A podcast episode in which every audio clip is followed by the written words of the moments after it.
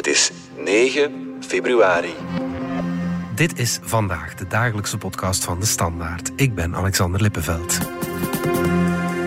De vorming van een nieuwe regering in Nederland loopt moeilijk. Pieter Omtzigt, de kopman van Nieuw Sociaal Contract, stapte deze week op uit de formatiegesprekken. Het nieuws sloeg bij de drie andere partijen rond de tafel in als een bom. En zo is de droom van Geert Wilders, premier worden, een stuk verder weg. Hoe moet het verder in Nederland en kan er nog een regering gevormd worden of komen er nieuwe verkiezingen aan?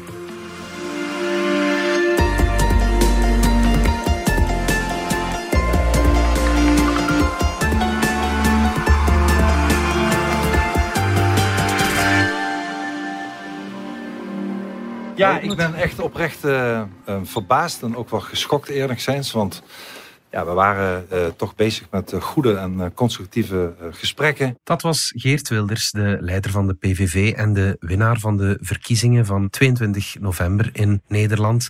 Acht weken lang was hij al aan het onderhandelen met drie andere partijen, de Boer-Burgerbeweging, de VVD van oud-premier Mark Rutte en Nieuw Sociaal Contract, de partij van Pieter Omtzigt. En die laatste trok dinsdag de stekker uit de onderhandelingen. Daar was Wilders toch wel teleurgesteld om.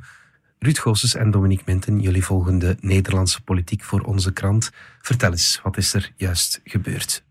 Wel, dinsdagavond rond half acht begon het nieuws of het gerucht te zoomen dat uh, NSC, de, de partij van Pieter Omtzigt, zich zou terugtrekken uit de onderhandelingen. Mm -hmm. En dan kwam er inderdaad een mededeling, een soort van brief van Omtzigt, waarin hij dat bevestigde, dus dat hij niet langer wou deelnemen aan die onderhandelingen, die al toch al uh, bijna twee maanden bezig waren. Ja, ja, ja. En dat kwam redelijk onverwacht. Die gesprekken liepen niet vlot, mm -hmm. er waren veel problemen. Maar de manier waarop hij dan die stekker er toch uittrok, dat verraste iedereen. Ja, ook zeker de informateur Ronald Plasterk zei dat hij totaal verrast was. Uh, dat hij vond dat uh, Omtzigt een warrig verhaal had. Ik ben een beetje verbaasd. Een beetje, van wat ik tot dusver gehoord heb, warrig verhaal. Mm -hmm. En ook de andere drie partijen die mee aan tafel zaten, waren uh, totaal verrast, zeiden ze. Ze ja. hadden dat niet in aankomen. Even luisteren naar Caroline van der Plas van de Boer-Burgerbeweging en naar Dylan Jezilkes van de VVD.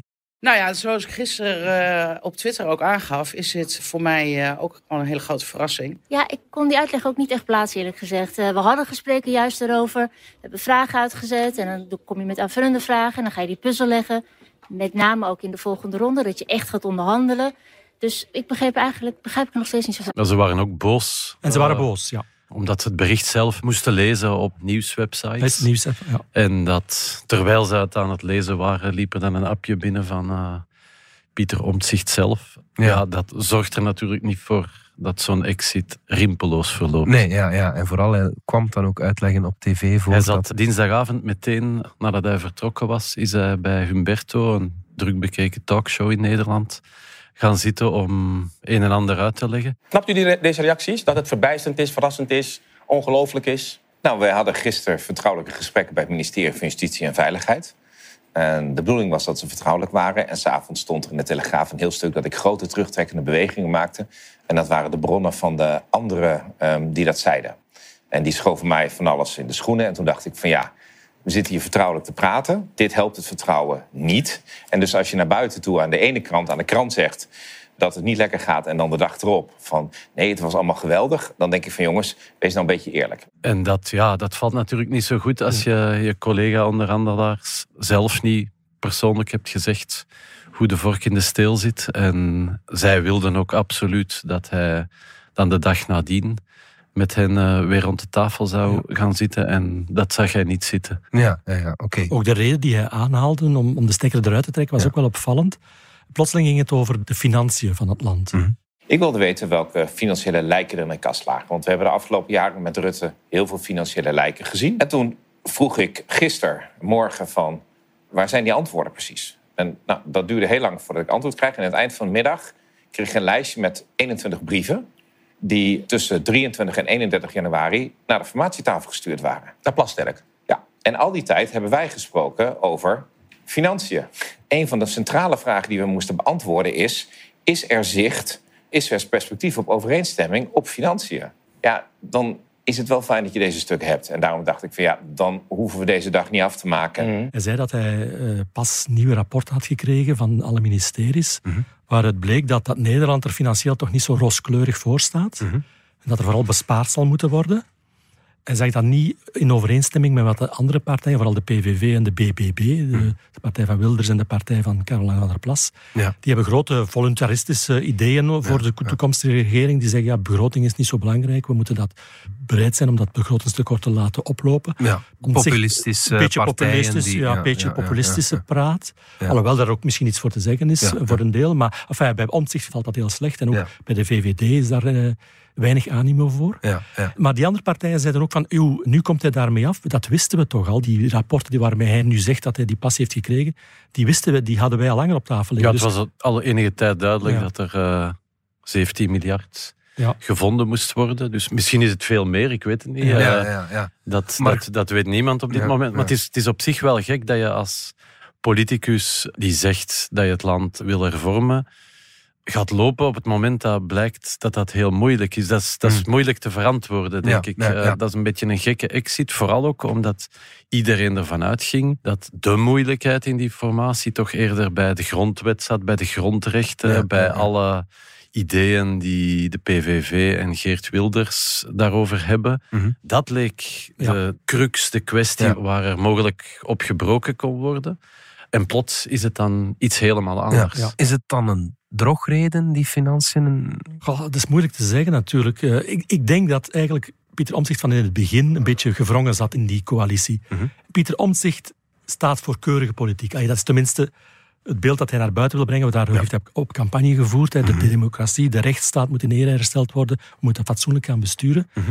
En dan wordt hij geconfronteerd met een verkiezingsuitslag waarbij de grootste partij de PVV wordt, eh, Geert Wilders. Ja, dat is het tegenovergestelde echt van tegen u. Dat is echt het tegenovergestelde van Van keurige politiek. van keurige ja, politiek, ja. van waarvoor hij staat. Dus, maar ja, hij zag ook wel, oké, die, die kiezer heeft gesproken, we moeten dat respecteren. De, die, die uitslag was redelijk overweldigend.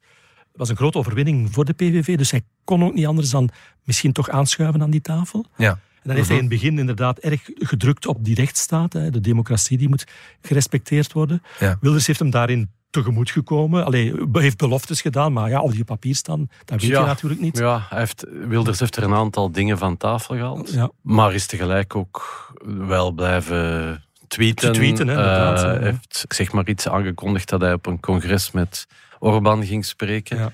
Dus er zat nog voldoende ruis op om daar toch niet volledig gerust in, in te zijn. Dus ik vond altijd de man die de gesprekken nu leidde, Ronald Plasterk, heeft zich eigenlijk zelf gesolliciteerd in zijn column in de Telegraaf. Ja. De dag na de verkiezingen zei van ja, die vier partijen hebben een duidelijke meerderheid, 88 van de 150 Mhm. zetels. Ze zijn het over een aantal cruciale dingen zoals migratie grosso modo eens, dus dat is eigenlijk niet enorm ingewikkeld.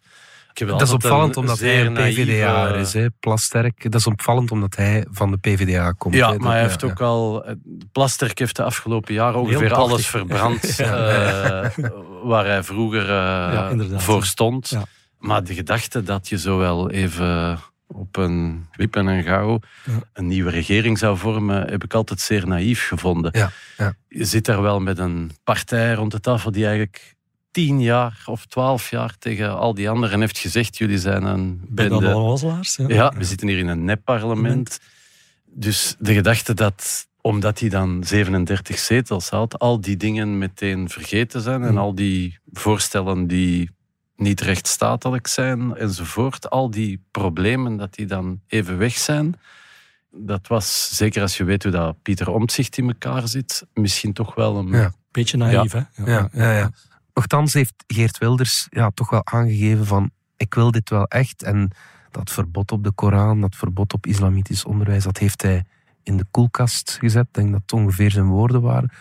Ja, is dat dan gebleken dat dat allemaal kwats is? En op de avond van de verkiezingen heeft hij gezegd, ik wil de vanaf nu wil ik de minister-president Ja. van alle Nederlanders zijn. Geert Milders was het eh, plots. Dat was M. Ja, ja. de, tien dagen voor de verkiezingen is hij beginnen vernetten. Maar Wilders is, we verwezen er net al even naar, is wel blijven tweeten. Heeft een dag of tien geleden stuurde hij nog een cartoon rond waarop hij samen met Donald Trump en de extreemrechtse Argentijnse president Javier Milei Mhm. een, een golf van socialisme en cultuurmarxisme en open grenzenbeleid en klimaatbeleid wegduwt. Mhm. Stuurde hij zelf rond. Dat zijn zo dingen die in, in zo'n formatiegesprekken, als je weet dat je met partijen rond de tafel zit die het net erg moeilijk hebben met al die dingen waar jij voor staat, of en al jarenlang voor staat, die helpen natuurlijk niet om het vertrouwen te herstellen. Ik- Als je, als je zo even door zijn recente tijdlijn gaat, dan Blijft ja, er is van Geert, min- Geert Milders niet veel over. Ja, eh, ja. Het is op zijn minst een Ja. twijfelende Milders. Ja, ja, ja. Van het staatsmanschap dat hij zich toch probeerde aan te meten. Ja. Ja, op die tijdlijn is daar weinig van te merken. Hè. Dus eh, Ja, ik ja. weet niet hoe dat aan de tafel was, hoe dat die gesprekken aan de tafel gingen. Want daar werd weinig over gecommuniceerd. Ja. Misschien zal hij daar wel wat, eh, toch wat normaler zijn geweest Ja, en wat inschikkelijker. Maar enfin, het, het blijft moeilijk. Hè. Die Twitterlijn van hem, dat was niet een Twitterlijn van een toekomstig minister-president Nee, van een middelgroot Europees land. Dat is, eh, nochtans, als er weinig naar buiten komt tijdens een formatie, dat is meestal geen slecht teken. Hè? Nee, maar wat er dan toch naar buiten kwam, was toch wat je vooral voelde, was de, die aarzeling die er was, of die twijfel die er bestond bij, in de eerste plaats, Pieter Omtzigt. Mhm. Want bij Caroline van der Plas, de BBB, die wou ook wel heel graag. Hè, die, die, voor hen Die was alles goed. Die twijfelde, voor hen was alles goed, als ze maar konden besturen. Mhm.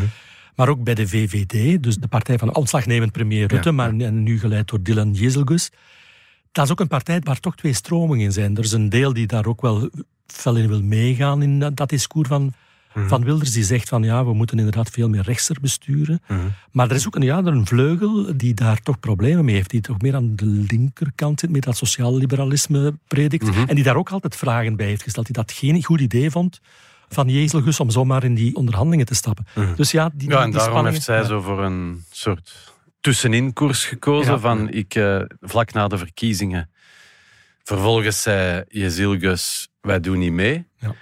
Stak er protest op in haar eigen partij. Toen zei ze, ja, maar we gaan dat kabinet niet tegenhouden. Dus dan is ze zo in een soort gedoogoptie beland. Ja. Maar dat wordt nu natuurlijk als indien Pieter Omtzigt en de NSC niet meer in dat kabinet willen gaan zitten, dan wordt ook die positie moeilijk. Want je kan eventueel wel een minderheidskabinet hebben waarbij één partij gedoogt of waarbij je nog een deel van je zeteltjes. In de Tweede Kamer moet gaan zoeken. Maar als er natuurlijk twee van die grote blokken wegvallen, dan, heb wordt je het wel een heel klein minderheidskabinet. Ja, dat dat denk ik niet realistisch is. Ja, dus iedereen kijkt nu naar Jezelgus, naar de VVD. Die, die heeft een put gegraven voor zichzelf en die moet daar nu proberen uit te komen. Ja. Dus gaat ze nu dan toch zeggen van ja, ik wil wel heel graag toch dat rechtse kabinet hebben. Mhm. Maar dan moet ze inderdaad afstappen van dat idee dat ze alleen maar gedoogsteun gaat geven. Dan moet Ja, ze toch ja. wel mee in die regering Mhm. gaan stappen. Ja, ja, ja. En wil ze dat doen, dan gaat ze toch weer een deel van haar eigen partij tegen zich krijgen. Die kritiek is er al op haar. Hè. Ze, heeft, ze staat niet in de stevigste schoenen op dit moment. Mhm. Dus dat wordt lastig voor haar. Dus Ja, zij zit echt met, wel met een probleem, denk ik, Ja, op dit ja, moment. Pieter Omtzigt zei bij Humberto Tan, wat je daarnet aanhaalde, eh, dat programma dat voor hem deze ronde afgelopen is. Dat de deur nog niet per se Nee. helemaal dicht is. Wij gaan er nu vanuit, de formatie is geklapt. Deze ronde is geëindigd. Kijk, dat is een nuanceverschil. Dus, Nou, dat is ook precies wat ik in die verklaring gezegd ja, maar heb. dat is voor, even, even voor de duidelijkheid. Dus het is niet geklapt. nou, kijk, laat me zeggen. Wij denken nu, de trein is gestopt, niemand stapt meer in. Klopt dat? Dat hoop ik van niet. NSC staat nog steeds open om onderhandelingen te voeren. Hè? Maar Met eh, dezelfde partijen. Wij hebben een voorkeur om een wat bredere coalitie te hebben. En dat hebben we altijd gezegd. Kan het nog met deze vier partijen? Ik heb veel Belgische formaties gevolgd de afgelopen, helaas al 25 jaar of zo. Van bij de start kon je voorspellen dat dit moeilijk zou lopen. Dus om te zeggen dat dit nu volledig afgelopen is, Dat denk ik dat ook weet ik niet. Nee, nee. Of dit nu definitief gedaan is, ja, dat, heeft heeft Omtzigt ook gezegd, niet gezegd. Nee, Hij heeft niet gezegd, ik ga sowieso in de Nee, oppositie. nee, nee, nee. Dus het meest realistische is dat hij het even moet opklaren. Ja. En dat iedereen met elkaar praat, de achterban wat consulteert en dan ziet welke opties Ja. er nog op tafel ligt. Dat zal Plasterk Ja, nu doen. ook moeten doen. Een dat- eindverslag ja, maken. ja. Het probleem is dat Omtzigt ook niet de beste communicator is. Hè. Dus hij is ook een beetje warrig in zijn communicatie. Een beetje onvoorspelbaar, dus dat helpt niet. Maar inderdaad, het is niet uitgesloten dat hij toch terugkeert aan de tafel. Ja. Want het grote probleem is, van, als dit niet doorgaat, wat zijn de alternatieven? En die zijn zo Ja. mogelijk even moeilijk. Hè. Dat Ja. is, de puzzel ligt heel moeilijk. Daar gaan we op door na de reclame. Ik wist het.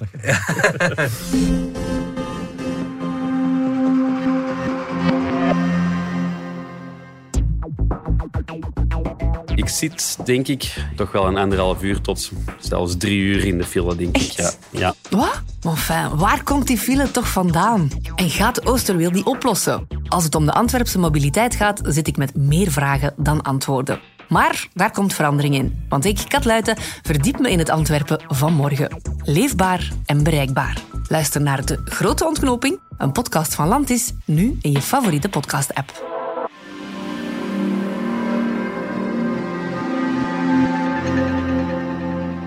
Ruud, Dominique, terug naar jullie en naar eh, Nederland natuurlijk.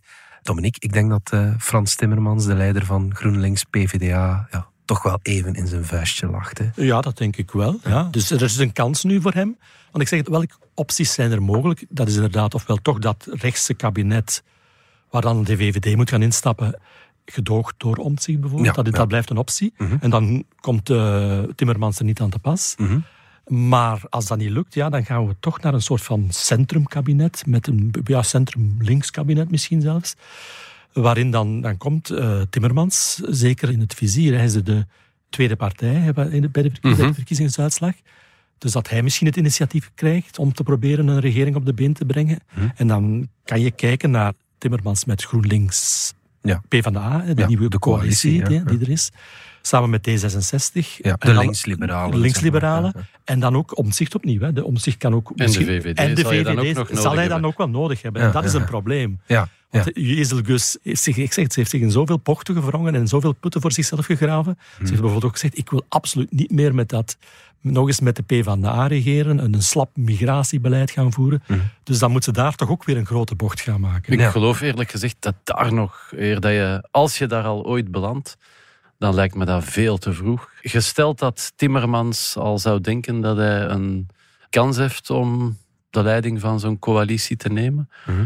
dan weet hij dat het daar veel te vroeg voor is. Ja. Als je Ja. dat nu doet, Ja. Wilders is het nu al aan het zeggen, Pieter Omtzigt zet de deur open voor Frans Timmermans. Ja. En ik zag al bij collega's van u dat eh, Frans Timmermans een eh, opperbeste stemming is. Het- Ik hoop niet dat ja, NSC en de heer Omtzigt hiermee eh, Frans Timmermans in het zadel hebben geholpen. Want uiteindelijk eh, wil die kiezer denk ik toch een centrumrechts kabinet. Hij zegt dat vooral om het onmogelijk te maken dat Timmermans door die deur wandelt. Ja, ja, En ik denk dat Timmermans dat ook goed beseft. Beseft, ja. ja, ja. Het is niet dat hij nu zegt van ik sta klaar of ik... eh, Ja. Hij wijst vooral nu naar die anderen die er een potje van maken. Ja, Ja, ja, ja. ja. Dit lijkt eigenlijk wat op wat we in België meegemaakt hebben in 2019. Toen was Vivaldi plots ook een optie met gelijkaardige partijen. Dat was dan weer geen optie meer. En dan is het er toch gekomen. Dus het is misschien niet onmogelijk. Ja, in, in zo'n heel moeilijke formaties met heel veel eh, partijen maak je, zijn er bochten en gebeuren er dingen die niet verwacht Ja. waren. Dus stel nu dat je nog 200 dagen verder bent. Mhm. en We zitten nog altijd in een iets of wat gelijkaardig scenario. Je hebt die oorlog in Oekraïne die nog bezig is. Er gebeurt iets economisch dat eh, de energieprijzen beginnen weer te stijgen. Dat soort dingen kunnen een Ja. druk geven, ook vanuit de De samenleving, van ja, hier moet nu toch een echte regering komen, want ondertussen zijn er ook steeds meer ministers uit dat ontslagnemende kabinet aan het vertrekken. Ja, dat heb ik ook net ook aangegeven. Dat ontslagnemend kabinet, daar schiet eigenlijk bijna niemand meer van over. Oké. Eh daar wordt het constant mensen vervangen. Ja. En ook de vraag is, wat gaat er met eh, Mark Rutte gebeuren? Hè? Dus die is, heeft openlijk gesolliciteerd voor de post van de NAVO-chef. Ja. Als hij die echt wil innemen, dan moet hij de Eind Die- het jaar is nee, dat nee, dat is zelfs in juni moet dan Ah, de knoop doorgehakt worden. Dus ja. begin juli is er het nieuwe NAVO-top. Ja. Tegen dan moet dan de nieuwe NAVO-baas bekendgemaakt worden. Ja. zal hij officieel geïnstalleerd worden. Dus zij moet eigenlijk heel snel die knoop doorhakken. Ah, ja. En kijk, wie gaat er dan, eh, als die regering nog altijd in lopende zaken is, zonder met een, de helft van de ministers die zijn afgehaakt en ook nog zonder premier, dan heeft Nederland echt wel een probleem. Hè? Dan, Mhm. Ja. Het idee van de Nederlanders, we moeten bestuurd worden, dat zit daar toch ook nog altijd in. Het land moet- we moeten toch een beetje bestuur hebben. Ja. Er zijn ook geen regionale regeringen die het wel kunnen overnemen. Dus op dat vlak hebben ze meer problemen dan België, die eh, lang moet wachten op een federale regering. Ja, ja, ja. Ik kan het bijna niet geloven dat je dat, je dat zegt. Eh, bij ons is het al zo moeilijk. eh. Ja, ik denk dat de, de meest waarschijnlijke optie is toch dat men op een of andere manier met die partijen die Ja. nu rond de tafel zitten naar iets zoekt om toch nog op een of andere manier door te praten. Je zou, een simpele wijziging, je zou die informateur al de wacht kunnen aanzeggen. Dat Ja. lijkt mij ook na de uitspraken van Omtzigt over hem en van hem over Omtzigt, lijkt dat mij een Ja. redelijke conclusie dat Ja. Ronald Plasterk volgende week van het podium Ja, mag. ja, ja. Mhm. Ik denk dat toch wel, ja, die relaties tussen Wilders en Omtzigt, ja, dat moet, er zal toch wat massage nodig zijn Ja. om ze terug aan de tafel te krijgen. er is ja. toch wel wat, ook wel wat tijd nodig, denk Hoe ik. groot is de kans op nieuwe verkiezingen? Dat wordt niet uitgesloten. Ik kan het mij ook niet voorstellen, Ja. omdat in elke peiling Is de staat groter nog? hè? Wilders op stevige winst. Mhm. De laatste peiling van Maurice de Hond, een bekende opiniepeiler in Nederland, van afgelopen weekend stond hij op 50 zetels. Dat zijn er 13 meer dan de 37 die hij op de avond van de verkiezingen had. Ja. De VVD verliest bijna de helft van zijn zetels. De partij van Pieter Omtzigt verliest er ook vijf. Van 20 naar 15. Dus partijen die zo op verlies staan, die zijn niet geneigd Nee. om verkiezingen uit te lokken. Nee, nee. En ik denk zelfs dat Wilders beseft dat als hij 50 zetels heeft en er nog met een paar partijen van 10 of 15 zetels rond zich zit, dat het dan ook niet per se makkelijker zal worden. Nee, nee, nee. Waarom niet? Omdat je heel dominant kan zijn. En ik bedoel in zetelaantal, Ja. dat maakt een compromis niet per se eenvoudiger. Gesteld dat hij oprecht geïnteresseerd is om het land te besturen. Hè. Dat Ja, blijft natuurlijk een, een zeer pertinente vraag. Dus ik zou mij verwonderen moest je snel nieuwe verkiezingen krijgen. Nee. Nee, ik denk het ook niet dat het snel zal gebeuren. Maar ook niet vergeten, die vorige regering, ja, die Rutte 4, dat heeft ook bijna jaren geduurd voordat die coalitie er terug was. Mhm. En dat, waren ook, dat is ook ongelooflijk bochtenwerk dat daar gebeurd is. En partijen die elkaar eerst uitsloten om nog met elkaar door te gaan, zijn uiteindelijk dan toch van miserie toch weer samen gaan zitten. Maar je zag dan ook wel, dat er was nooit een chemie meer tussen die vier partijen. En die Mhm. regeringen zijn ook snel gevallen. Ja.